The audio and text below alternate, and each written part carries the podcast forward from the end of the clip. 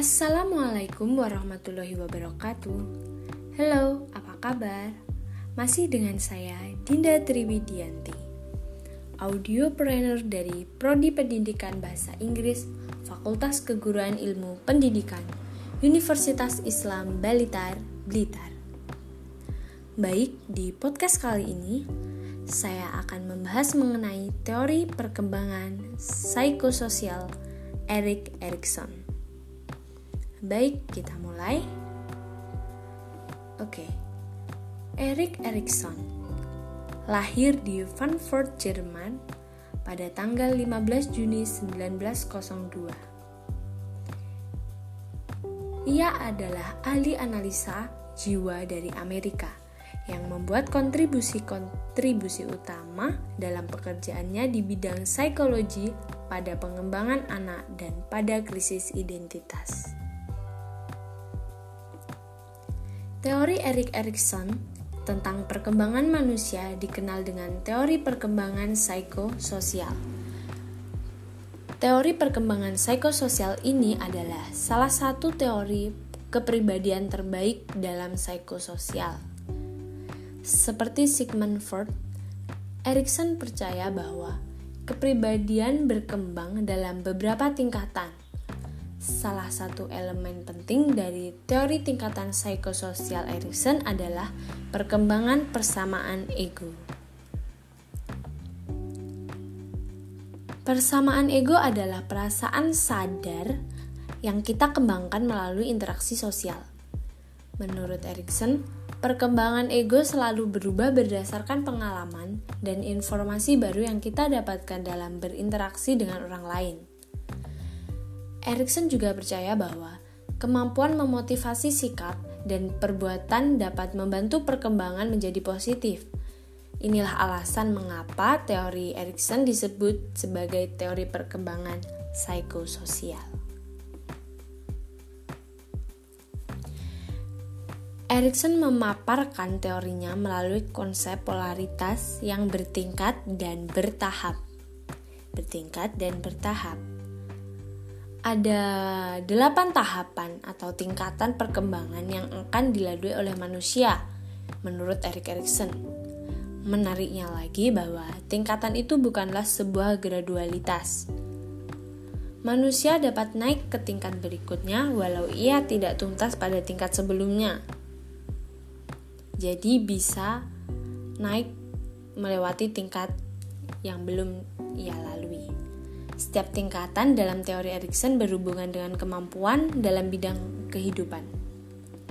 Jika tingkatannya ter tertangani dengan baik, orang itu akan merasa pandai. Jika tingkatannya itu tidak tertangani dengan baik, orang itu akan tampil dengan perasaan tidak selaras. Dalam setiap tingkat, Erikson percaya setiap orang akan mengalami konflik atau krisis yang merupakan titik balik dari perkembangan. Erikson berpendapat, konflik-konflik ini berpusat pada perkembangan kualitas psikologi atau kegagalan untuk mengembangkan kualitas itu. Selama masa ini, potensi pertumbuhan pribadi meningkat. Begitu juga dengan potensi kegagalan. Di sini saya akan membahas tentang pembagian tahapan-tahapan menurut Erik Erikson. Kita akan membahas tahapan yang pertama yaitu third versus mistrust yang artinya percaya versus tidak percaya. Tahapan ini terjadi pada usia 0 atau baru lahir sampai dengan 18 bulan. Tahap yang kedua, otonomi versus malu dan ragu-ragu atau shame and doubt. Tahapan ini terjadi pada usia 18 bulan sampai dengan 3 tahun. Tahapan yang selanjutnya, tahapan yang ketiga, inisiatif versus rasa bersalah.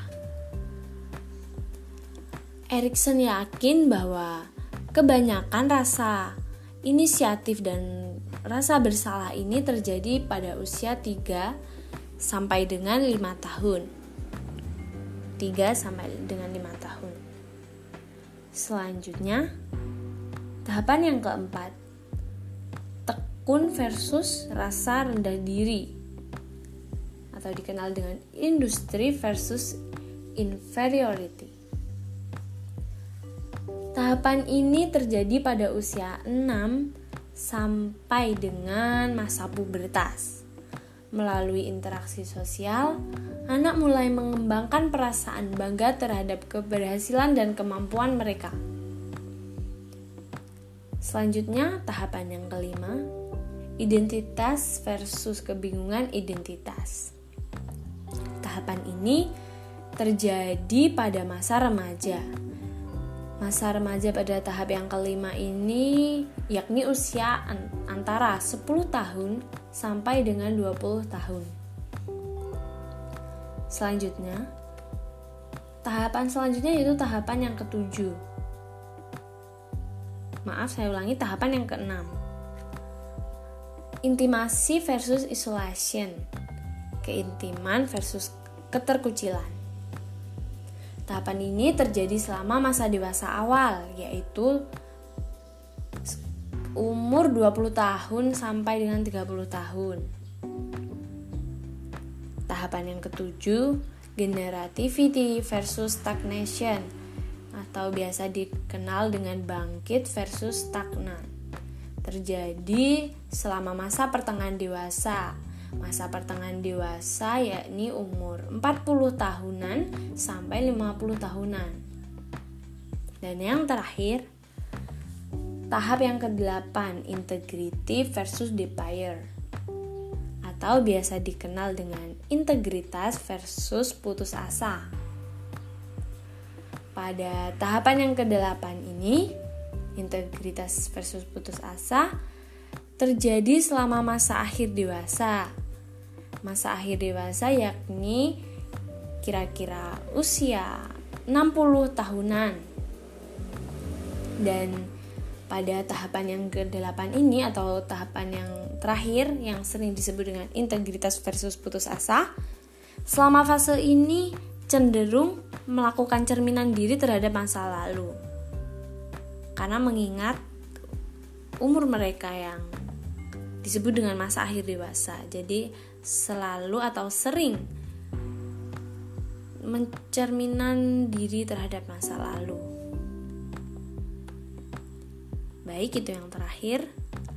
Itulah pembahasan tentang teori perkembangan psikososial Erik Erikson. Saya kira pembahasan kali ini sudah cukup untuk dipahami bersama. Dan kita sudahi dulu pembahasan kali ini. Terima kasih, semoga bermanfaat bagi kita semua. Saya mohon maaf apabila ada kesalahan pengucapan maupun kata. Sekian dari saya, salam sehat, salam entrepreneur Unisba Blitar kreatif, integratif, inovatif, and energik. Wassalamualaikum warahmatullahi wabarakatuh.